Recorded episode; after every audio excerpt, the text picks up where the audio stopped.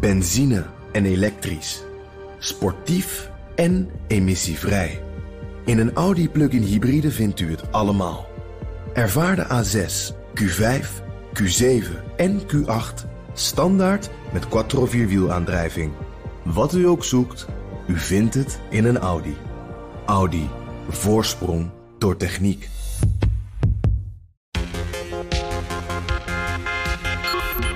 China heeft vanaf toen diep nagedacht en gedacht... oké, we zijn eigenlijk een ontwikkelingsland voor een groot deel agrarisch eigenlijk ook nog.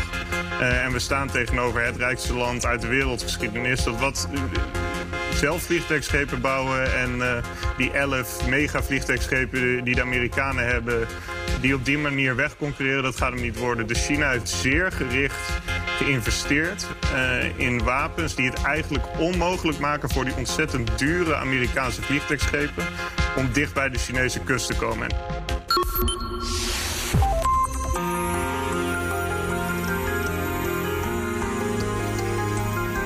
Je luistert naar De Stratege, een podcast van BNR in samenwerking met het Den Haag Centrum voor Strategische Studies. Mijn naam is Paul van Liemt. Chinese soldiers train for the invasion of Taiwan. A new propaganda video shows an amphibious assault. Beijing says this training exercise targets Taiwan independence and interference by external forces like the U.S. Over the past few decades, China has been able to sustain its economic growth and advancement to develop world class modern military technologies. Because of this, China seems to make its way to becoming a military superpower that many countries in the world can't imagine.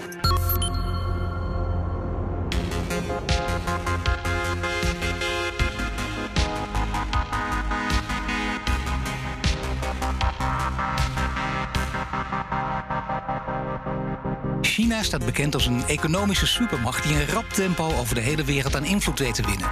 Maar ook op militair gebied zit China niet stil. De afgelopen decennia is China's militaire kracht snel toegenomen en dat kan grote gevolgen hebben voor de veiligheid in de Indo-Pacific, maar ook bij ons. China kan zijn militaire kracht inzetten voor zijn economische doeleinden, maar ook op strategisch vlak.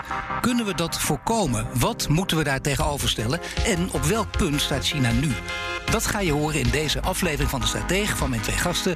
Ruben Brekelmans, buitenwoordvoerder namens de VVD in de Tweede Kamer. En Joris Steer, strategisch analist bij het Den Haag Centrum voor Strategische Studies. Just moments ago, the immigration minister has cancelled Novak Djokovic's visa. That official statement has come out from immigration minister Alex Hawke. Decision some four days in the making. Today, I exercise my power under section 133C, uh, C3 of the Migration Act to cancel the visa held by Mr. Novak Djokovic on health and good order grounds. Ja, heren, het nieuws dat veel mensen bezig hield deze week, dat ging maar door, dat horen we ook. En Novak Djokovic mocht Australië niet inlaten, toch wel. En nu toch weer niet. En dus lijkt hij niet mee te mogen doen aan de Australian Open. Kan hij dat grote Grand Slam record ook niet gaan breken. En kan hij niet boven Federer en, uh, en Nadal uitkomen. Maar alles kan weer veranderen. Hoe, uh, hoe hebben jullie naar deze soap gekeken, Joris? Uh, nou, ik moet eerlijk zeggen dat ik er niet heel erg mee bezig ben geweest. Maar het, ja, het, vooral de, het, het flipfloppen lijkt me wat vreemd om iemand toch uh, zo lang in afwachting te maken. Het enige wat ik er van meegekregen heb is dat hij blijkbaar in een slecht hotel zat met slecht eten. En dat dat de grootste klacht was. Dus misschien dat ze dat lange flipfloppen hadden kunnen voorkomen. Ja, en uh, wel een sportliefhebber ook, Ruben Brekelmans? Zeker, zeker. Dus dit ook gevolgd. En wat vindt, vindt u ervan? Nou, ik vind het wel uh, goed dat iemand die zo prominent zichtbaar is, dat Australië laat zien dat die gelijk behandeld wordt als iedere andere uh, reiziger die naar Australië gaat. Dus ze hebben in Australië ontzettend strenge regels. Uh, zelfs voor het eigen diplomatiek personeel is het moeilijk om weer bijvoorbeeld terug naar Australië te gaan. dus dat ze voor Djokovic geen uitzondering maken en die ook nou, op een gelijke manier behandelen, dat vond ik wel goed. Dus gelijke monniken, gelijke kappen, al ben je Djokovic. Al ben je Djokovic, inderdaad. Maar ik vond het inderdaad wat Joris zei wel vreemd dat er eigenlijk iedere dag weer een nieuw bericht was waardoor het verhaal 180 graden leek te kantelen. En dat leidde bij mij in ieder geval wel tot uh, vertwijfeling. Ja, hoe zit het nou precies? Ja, ik denk ook, je kunt het beste dan gewoon maar duidelijk zijn. Ook zijn jullie daar open en duidelijk over? Of zeggen jullie nee, dat is gewoon een privacy? Ik zeg niet of ik bijvoorbeeld geboosterd ben of wel. Ruben Brekelmans. Ik ben daar open over. Ik heb zondag mijn boosterafspraak. Uh, maar ik oh, vind dat als mensen. Spannend. Als, inderdaad, als, als mensen dat niet willen delen, vind ik dat dat, uh, dat het wel iets persoonlijks is. Ja, Joris, jij ook? Ja, ik sta er hetzelfde in. Ik, uh, mijn boosterafspraak komt eraan. Maar uh, ik heb de eerste twee vaccinaties wel gehad. Over the past few decades, China has been able to sustain its economic growth and advancement to develop world class modern military technologies. Because of this, China seems to make its way to becoming a military superpower that many countries in the world can't imagine. Ja, we gaan praten over een onderwerp waar toch nog vrij weinig over bekend is. En uh, nu door een uh, dossier, denk ik, van, van HSS uh, belangrijk om dit weer naar voren te brengen. Joris, we kennen China vooral als een economische macht, als een soort economische influencer, mag je misschien zeggen. Maar ook militair wint China aan invloed. Waar staat China nu op dat militaire vlak? Um, ja, militair wordt eigenlijk steeds belangrijker uh, als het op China aankomt. Ik denk dat je het goed in drie stappen eigenlijk uh, in één kan breken. Het eerste is dat rond de kust, als het om China gaat, dat de Chinese militaire macht eigenlijk vrijwel ongeëvenaard is. Dat dat eigenlijk ook de enige plek is ter wereld waar de Verenigde Staten goed een conventionele oorlog van de Chinezen zouden kunnen verliezen.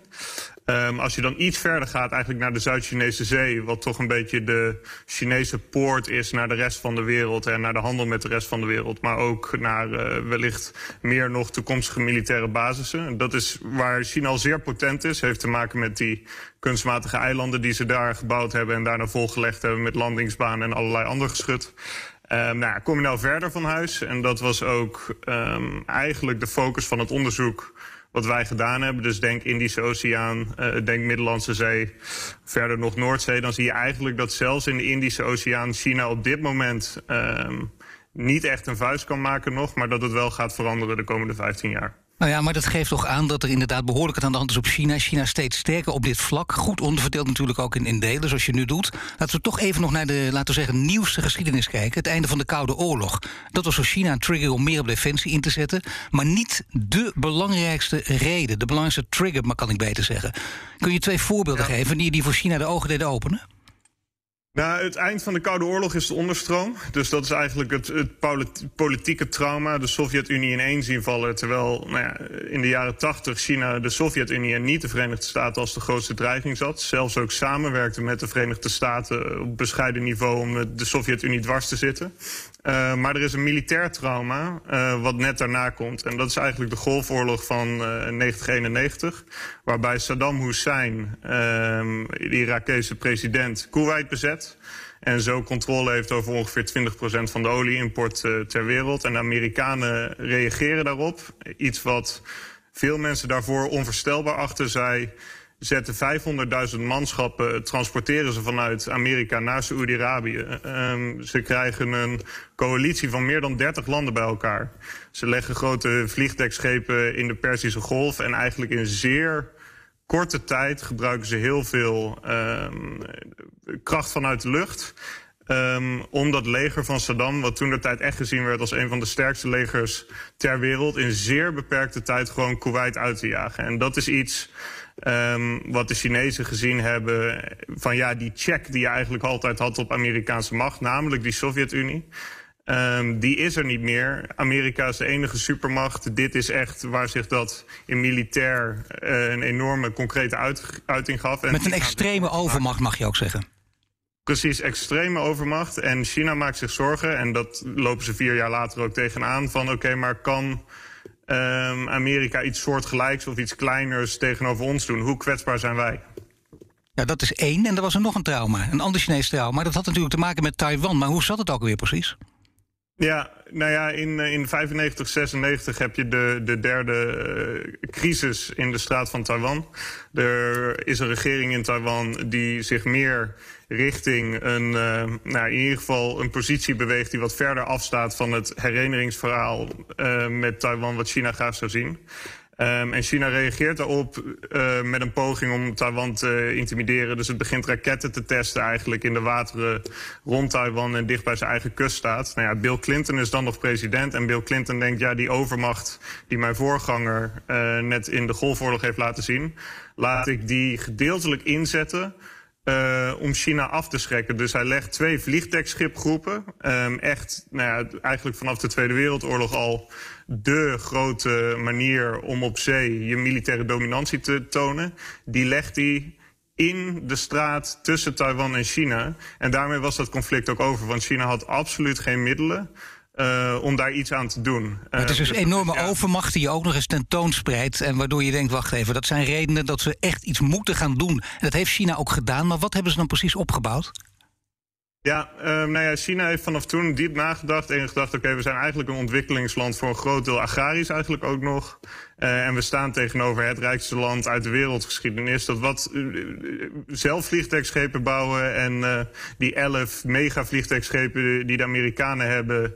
die op die manier wegconcurreren, dat gaat hem niet worden. Dus China heeft zeer gericht geïnvesteerd in wapens die het eigenlijk onmogelijk maken voor die ontzettend dure Amerikaanse vliegtuigschepen om dicht bij de Chinese kust te komen. En maar dat is, dan niet in, dat, is niet, dat is niet inzet als ik in de reden mag vallen op aanvallen, maar inzet ja, ja. als ik je goed begrijp op verdediging. Ja, ja het, is, het is altijd iets genuanceerder, want er zijn natuurlijk ontzettend veel wapens die zowel voor de aanval als de verdediging gebruikt kunnen worden. Uh, maar er zijn drie klassen, onderzeeërs, mijnen en vooral hele grote raketten... Uh, waar China volledig op ingezet heeft en zo succesvol in is geworden... dat China een uh, ballistische raket ontwikkeld heeft die dus precies genoeg is... om zo'n vliegdekschip te raken. Nou, en als je dan naar kosten kijkt, je kan honderden van dat soort raketten kan je aanschaffen... Um, voor dezelfde prijs dat je één zo'n vliegdekschip koopt. Dus je zit nu, waar we eigenlijk staan, is dat China en de VS in een vreemde impasse zitten... Um, dat het voor de VS vrijwel onmogelijk is om in een conflict situatie, of heel slecht mogelijk, of het moet hele grote verliezen accepteren, om in een conflict situatie dicht bij de Chinese kust op te treden. Dus wat Bill Clinton deed in 95, 96 zou veel te riskant zijn nu. Um, en China eigenlijk met relatief goedkope middelen uh, dat afgedwongen heeft. Nou, Ruben Brekelmans, eh, we horen uh, Joris, met HCSS heeft u dan natuurlijk keurig in beeld gebracht wat China doet. Wat ze doen op militair gebied, wat de ontwikkelingen zijn, wat ze ook willen gaan doen in de toekomst. Daar gaan we het ook nog steeds uitgebreider over hebben. Maar wat denk je als je dit hoort tot dusver?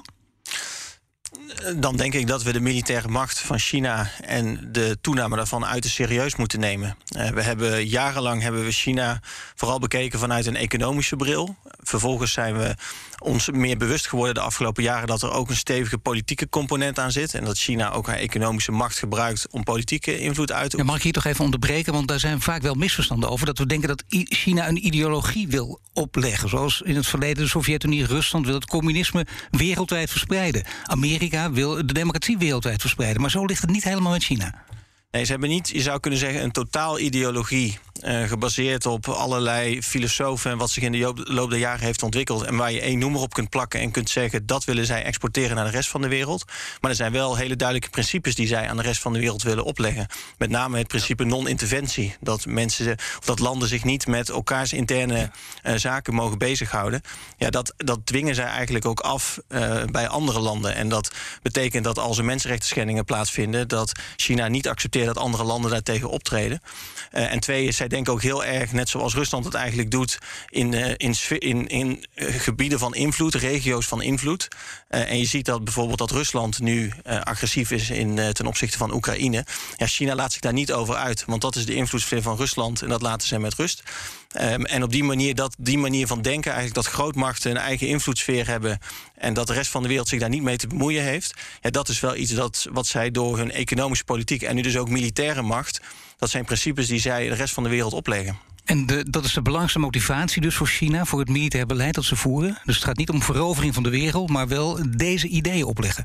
Nou, het gaat er uiteindelijk om dat. Politiek uh, en economie komen samen in ieder geval. Ja, het, het startpunt is altijd het, het behoud van de positie of het versterken van de positie van de communistische partij. En dat willen ze bereiken door te zorgen voor stabiliteit intern. En dat betekent dat buitenlandse machten zich niet mogen bemoeien met interne, aangelegenheden, want dat kan tot instabiliteit leiden. En zij gebruiken deze economische politieke en, en ook steeds meer militaire macht om ervoor te zorgen dat de rest van de wereld zich niet met China bemoeit. Daarmee blijft het een stabiel land en blijft de communistische partij stevig in het zadel. Als we teruggaan uh, naar, naar de positie die jij schetst, Joris, over China. In het rapport schrijven jullie ook dat China dichtbij een doorbraak is. Dat wil zeggen een doorbraak in de komende tien jaar op militair vlak. Maar wat is dan precies die doorbraak? Mag, mag ik nog één ding over het vorige thema zeggen? Want ik ja, je bent er toch, nee, natuurlijk, allicht. Ja, precies, absoluut. Ja, ik, uh, ik, ben, ik ben het grotendeels met Ruben eens. Het verschil, en dat is ook waarom China die periode van meteen na de Koude Oorlog zo vervelend vond... dat er allerlei Amerikaanse presidenten op rij waren die zeggen: ja, democratie is eigenlijk het enige legitieme systeem in de wereld. Nou, die norm willen ze graag van af. Um, wat we dus eigenlijk, wat je zou kunnen zeggen, is dat China wel degelijk de wereld veilig probeert te maken weer voor dictaturen. Um, nou, mag ik daar even toch Ruben Brekeman zo ja. voor? Want dat is inderdaad een stapje verder. Ja, nou, ik denk dat, uh, dat ze het veilig willen houden voor dictatuur, omdat dat in hun eigen belang is. Dus je ziet dat zij regimes ja. en dictaturen in het zadel houden, waar zij een direct belang in, omdat ze daar olie uh, uh, van importeren of grondstoffen. Maar het gaat erom, willen ze van in het extreemste geval, wil, hebben, hebben ze ten diepste, ligt er ergens een document waarin staat dat ook Amerika en Europa een dictatuur moeten worden? Dat denk ik niet. Ik denk niet dat zij willen ja. dat uiteindelijk Nederland een dictatuur wordt, dat onze democratie wordt afgeschaft. Ik denk wel dat zij willen dat Nederland zich niet met China bemoeit en dat wij onze principes niet aan hen opleggen. En, en dat is met Precies. name waar zij op uit zijn. Ja, en dat gaat dus toch daar, een stapje verder. Hè? Dat, dat is zo genuanceerd ligt het inderdaad. Want daarmee ja. heb je wel degelijk politieke invloed. Ja. En be bemoei je met een politiek systeem in een ander land. Zeker. Ja, absoluut. En één, één, één voorbeeld denk ik wat hier heel tekenend voor is. Ik hoor heel vaak ook uh, binnen mijn vakgebied in China-commentatoren horen zeggen... China interesseert niet hoe anderen hun land regeren. En dat is waar. Je zult bijvoorbeeld nooit China-Irak binnen zien vallen... omdat ze vinden dat Irak vanaf nu in een communistisch systeem... met een politbureau bestuurd moet worden. Ja. Uh, maar andere uitschieters, als je bijvoorbeeld kijkt naar de 14 eisen... die China aan of 14 grieven die China aan Australië gepresenteerd heeft om de relatie weer op te bouwen. Nou ja, ze hebben Australië in de band gedaan, grote handelsboycott opgelegd. Een van de klachten is uh, dat parlementariërs toch wel erg kritisch tegenover China staan. De andere is dat de media in Australië zo vervelend en kritisch op China is. En het derde is dat het kritische onderzoeksinstituut uh, ASPI, dat ze het eigenlijk maar raar vinden dat de, dat de Australische staat uh, nou ja, daar subsidies aan geeft. Kijk, als dat de voorwaarden worden waarop je een normale handelsrelatie tegen elkaar kunt hebben, dan morrel je natuurlijk wel degelijk aan hoe Australië zijn democratisch systeem inricht. Want als Australië iets met die eisen zou doen, dan, ja, sorry, maar in een democratie gaat de regering er niet over, over wat parlementariërs wel of niet mogen zeggen. Nee, zeker. Dat is, dat is heel duidelijk natuurlijk. En, en zeker niet wat de media ook roepen. Dus dat is, dat is inderdaad, Ruben Brekelmans, toch wat verder. Dat mogen we wel zeggen. Dus dat gevaar van China zeker niet wegstoppen. Want dit betekent veel verdergaande inmenging dan vaak wordt geroepen. Ook als ze de nuance erop leggen. Zeker, zeker. Je ziet dat, dat doordat de macht van China toeneemt, dat de normen van China ook doorcijpelen naar de rest van de wereld. Kijk, wat ik bijvoorbeeld een tekenend voorbeeld vind, is dat wij uh, hebben in, uh, in Nederland hebben we op de universiteiten verschillende China Studies, uh, bachelors en masters. En dat ik van studenten hoor dat zij zich niet kritisch durven uitlaten op onderwerpen die gevoelig zijn voor China. Daar geen uh, papers en theses over durven schrijven. Omdat ze weten op het moment dat we dat doen, uh, kunnen we wellicht in de toekomst niet met China binnenreizen. Dus of je krijgt sowieso een onvoldoende. Of je krijgt sowieso een onvoldoende, ja.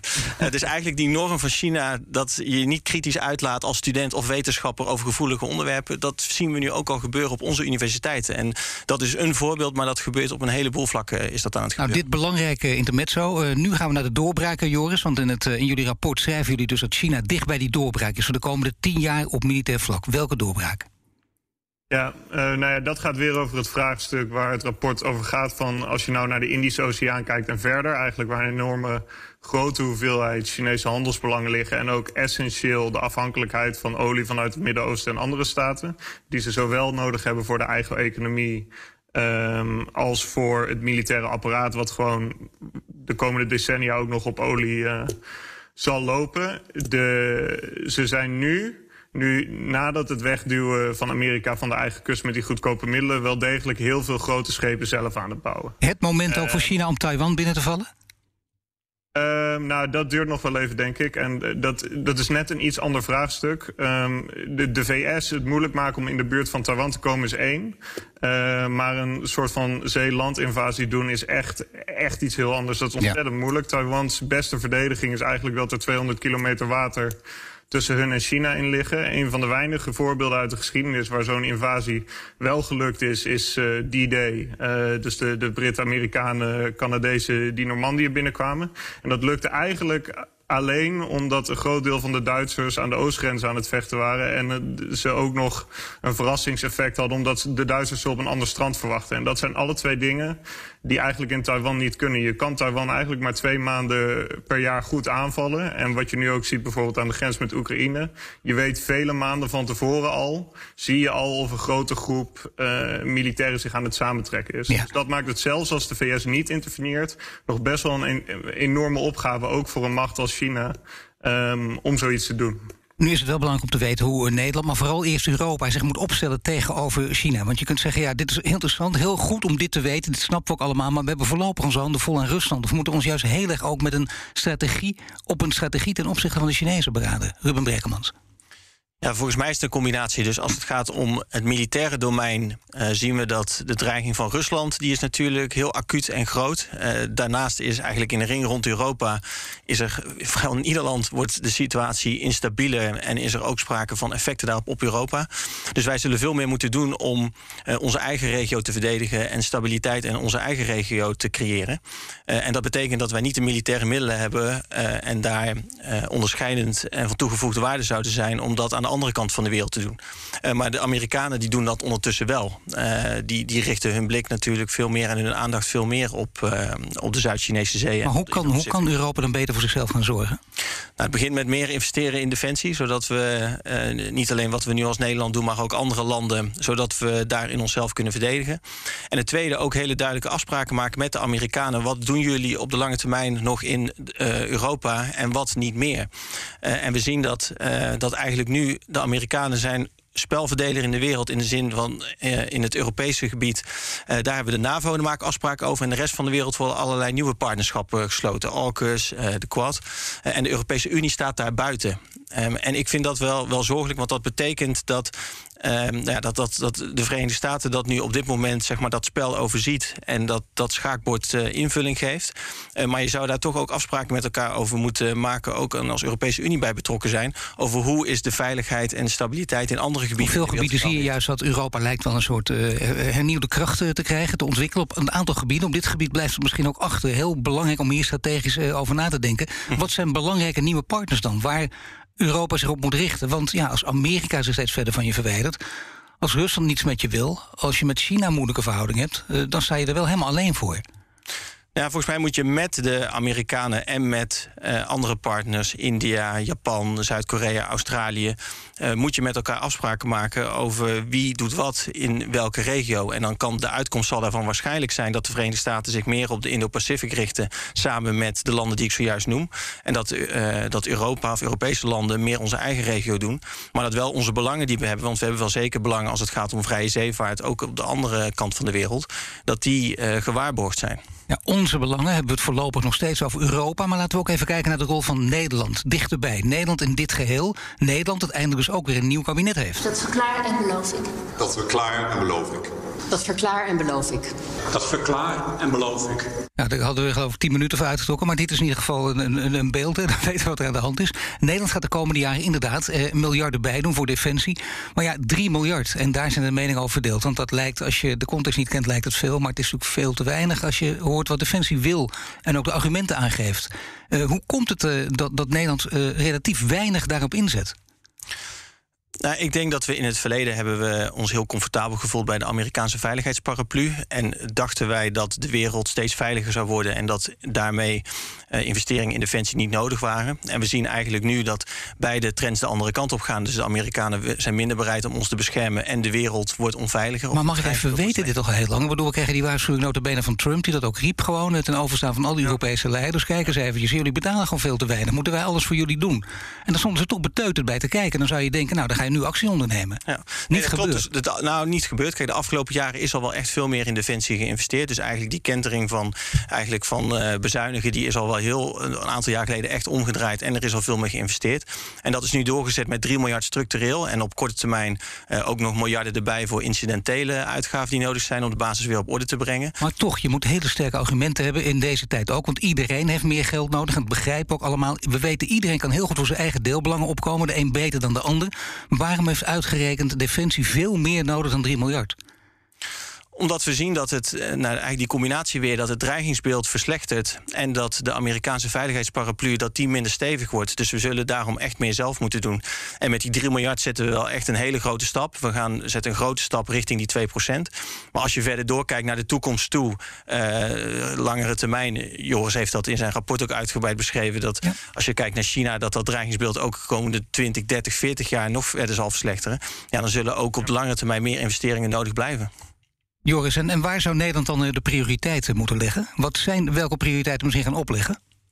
Ja, daar hebben wij in ons onderzoek uiteraard ook bij stilgestaan. Want wij zien, net als Ruben, kijk, die Chinezen... Heel vaak wordt mij gevraagd van, Joris, ja, prima, die Chinese militaire modernisering... ongetwijfeld een groot probleem voor landen in de regio als Australië, et cetera. Maar ja, een beetje heel bot gezegd, why should we care? Zeker. Um, en, wij, en wij vinden uh, dat het absoluut geen ver van een bedshow is. Want die Chinese militaire modernisering en die uitbreiding is de grootste push factor. Iran is een andere push factor, maar de grootste push factor die de Amerikanen, waarvoor elke keer dat zij hun militaire middelen en aandacht moeten gaan verdelen over de wereld, dat die steeds meer die kant op moet gaan. Dus eigenlijk heel um, bot gezegd, is Europa ook gewoon met Oost-Aziatische democratieën in competitie voor Amerikaanse aandacht en militaire middelen uh, ter bescherming de komende keer. En ik denk dat, nou ja, ik, ik, ik zie in die zin ook wel uh, de, de troepenopbouw aan de grens met Oekraïne ook als een symptoom hiervan. Ik bedoel, het is moeilijk voor te stellen dat Poetin zoiets zou proberen in de tijd bijvoorbeeld van George W. Bush, waar het relatieve machtsevenwicht nog zo anders ligt. Uh, ja. dus wij, als wij naar prioriteiten kijken, ik ben het met Ruben eens dat de grootste bijdrage van zowel Nederland als Europa gewoon ligt in de uh, eigen regio. Ik vind het ook heel goed dat er in het regeerakkoord staat dat Nederland zich binnen de NAVO ook vooral de gebieden dicht bij huis inzet. Ik denk dat het echt heel goed is. Ik denk dat het tweede wat we kunnen doen is een aantal belangrijke fundamentele technologische gaten die China nog steeds heeft in zijn capaciteiten die ook het verschil gaan maken tussen over tien jaar hoe groot de dreiging richting Taiwan is... of hoe groot de dreiging verder van huis is... dat we er echt voor zorgen dat onze universiteiten en bedrijven ervoor zorgen... dat die gaten niet opgevuld worden met Europese technologie. Dat ze eigenlijk twee zijn. En dan zou voor mij pas op de derde plaats komen... Um, weer nadenken over wat voor missies, zoals met de MS Evertson... Uh, we richting de Zuid-Chinese zee zouden kunnen doen. Want dat is, politiek is dat denk ik wel een belangrijk signaal. Maar ik ben benieuwd, uh, nou, ik, ik twijfel of gegeven de beperkte middelen die we hebben... waarin we echt prioriteiten moeten gaan stellen. Ik weet niet zeker of dit uh, de beste besteding daarvan is in de toekomst. Ik zou liever en-en hebben, maar gegeven de beperkte middelen... moeten daar ook wel keuzes in gemaakt Ja, beperkte middelen. In Nederland uh, zeker beperkte middelen. Ondanks die 3 miljard richting de NAVO-norm. Maar hoeveel zou het moeten zijn? Is 6 miljard dan logisch op korte termijn? Uh, nou ja, daar weet ik eigenlijk net te weinig van. Nee, maar Ruben Brekelmans weet dat wel. Oh ja. Die, uh, ja, wat dacht je? ja. Nou, om, om richting, de, richting de NAVO-norm van 2% is geloof ik 5 miljard nodig. Uh, alleen Defensie heeft ook zelf in kaart gebracht dat als alle uh, grondwettelijke verplichtingen en alle wensen die aan uh, Defensie worden opgelegd, is op lange termijn is nog meer nodig dan die 5 miljard. Dus wat ik zei, we zullen daarin moeten blijven investeren. Misschien mag ik op één punt nog aan. Ja, maar toch even, dat, dat, dat bedrag is heel erg belangrijk, want daar gaat het mm. ook steeds over. Als je dan duidelijk wil zijn, dan moet je hier ook duidelijk in zijn. Dan, is dan, dan moet je dat gewoon afronden op 6 miljard. Dat is gewoon de inzet ook bijvoorbeeld, bij, zo, zo snel het weer kan. En alles wordt opengebroken. Ja, alleen dat, dat kun, kan ik niet zo zeggen. Want als. Ja, als, ja dat kan. Maar als uh, morgen Rusland, uh, bij wijze van spreken, nog meer in zijn leger zou investeren. en ze zouden, de dreiging vanuit Rusland zou nog groter worden. of hun cybercapaciteiten zouden nog veel uh, meer geavanceerd worden. dan is die 6 miljard misschien wel niet genoeg. Dus dat, dat, dat verandert ook steeds meer. Nee, maar gaat de VVD zich er wel hard voor maken? Want er zit natuurlijk geen VVD-minister op Defensie. maar gaat de VVD zich hier hard op maken? Dat is wel belangrijk. Nou, volgens mij wordt de, eerste uitdaging voor de komende jaren dat dat extra geld, dat is er nu, die 3 miljard en die miljarden structureel, dat dat op een goede manier uitgegeven wordt. Want Defensie heeft zelf ook enorme uitdagingen met aantrekken van nieuw personeel, uh, heeft uh, met grote materieel aankopen, met uh, de, de basis op orde brengen. Dus volgens mij is dat nu, in plaats van dat we nu, nu al gaan speculeren over wat er nog meer nodig is, eerst dat goed besteden. en als dat gebeurt, dan kunnen we weer verder kijken wat daar nog aanvullend in de toekomst nodig zou zijn. Joris, en het is ook van belang om die impact voortdurend duidelijk te maken. Je hintte daar net al over dat mensen toch denken: ja, waarom eigenlijk? Je gaf een aantal argumenten waarom dat zo is. Maar hoe kun je een, een groter en belangrijker publiek hier ook warm voor maken? Ja, los van dat je natuurlijk naar de stratege moet luisteren. Ja, naar de stratege luisteren lijkt me altijd wijs. Maar ik, uh, ik ik denk wat je moet proberen te laten zien is dat dit ook dicht bij huis best wel grote effecten kijkt. Dus als je bijvoorbeeld zag naar uh, de, de case van de Colonial Pipeline in Amerika, waar je dan een cyberaanval op hebt uh, vanuit Rusland, blijkbaar een groep die niks met de Russische staat te maken heeft, een non-statelijke actor. En zo'n pijpleiding wordt stilgezegd. Nou ja, dat is gewoon energietoevoer van een hele hoop huishoudens. Dus kortom, cyber is één weg uh, die niet. Geografisch gebonden heeft en wel degelijk effect heeft. En ja, ik denk, ik vond het zelf wat jammer dat uh, het toch een beetje pagina 16 nieuws in het begin nog was, de troepenopbouw. Uh, uh, die we momenteel aan de grens met Oekraïne zien. Want het is wel iets, ja. Het komt vrij dichtbij onderhand. De gasafhankelijkheid heeft er ook mee te maken. Um, binnenlandbeleid wordt gewoon echt zwaar beïnvloed door buitenlandbeleid. Uh, en dat zie je op steeds meer vlakken. Ja, omdat veel mensen dan toch roepen, natuurlijk, ik begrijp het allemaal. Maar ja, corona, klimaat, energietransitie, dat zijn de grote thema's voor de komende tijd.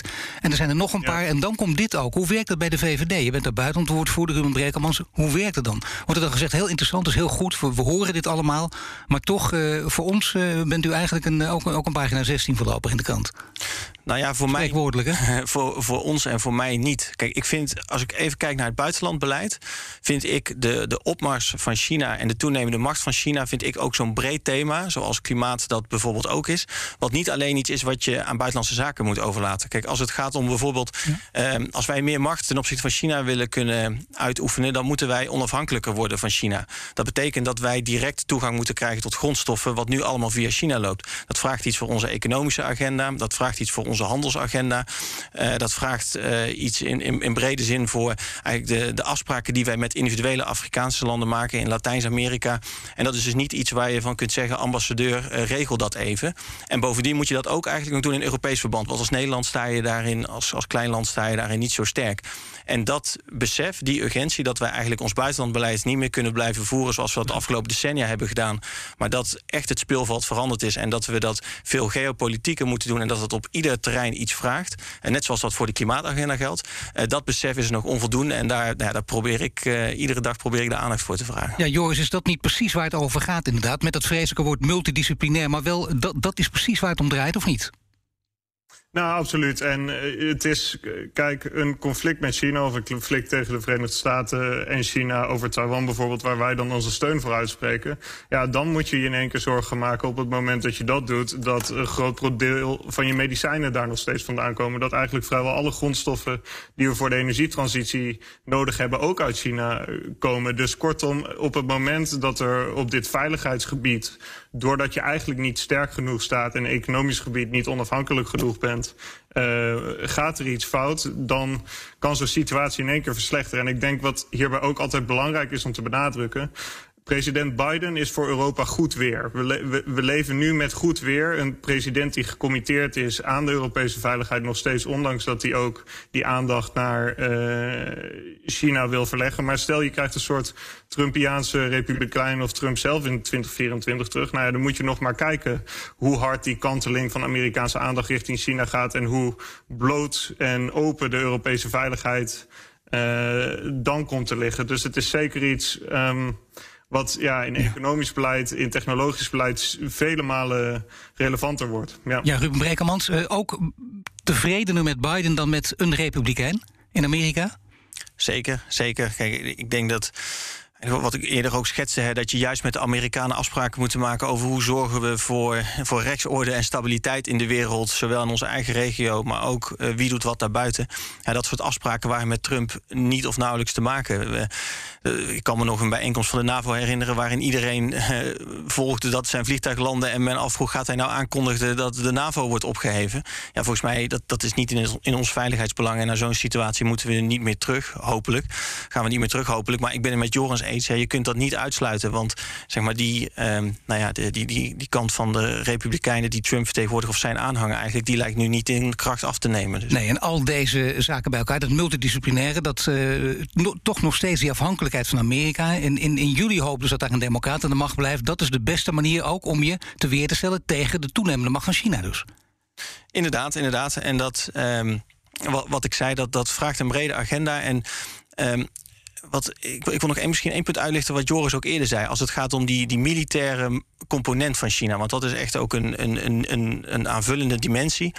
Uh, Joris gaf heel duidelijk aan, er zitten nog een aantal gaten in de ontwikkeling van China. En wij moeten als Europa en als westerse wereld heel erg oppassen dat we die gaten nu niet invullen doordat wij onze technologie te makkelijk ter beschikking stellen. Nou, als het gaat om export hebben we dat goed op orde. Daar hebben we allerlei toetsen op op het moment dat wij goederen naar China exporteren.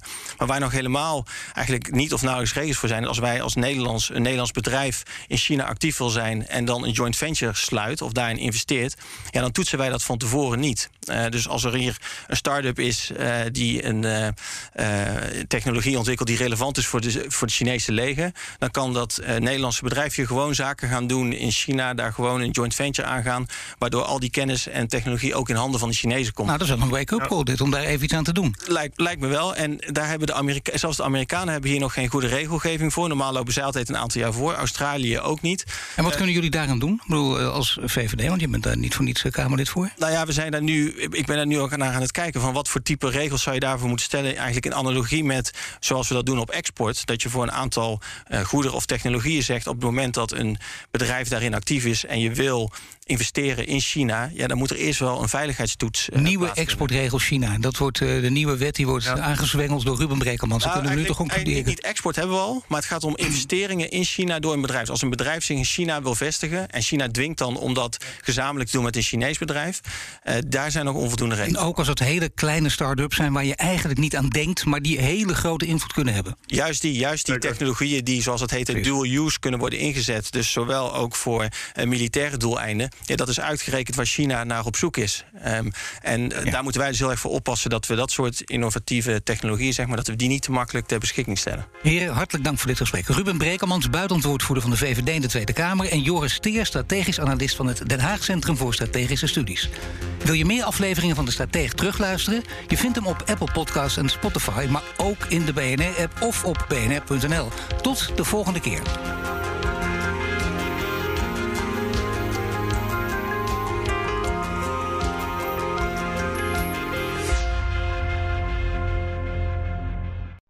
Benzine en elektrisch.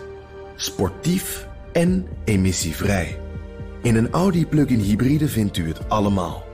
Ervaar de A6, Q5, Q7 en Q8 standaard met quattro vierwielaandrijving. Wat u ook zoekt, u vindt het in een Audi. Audi. Voorsprong door techniek.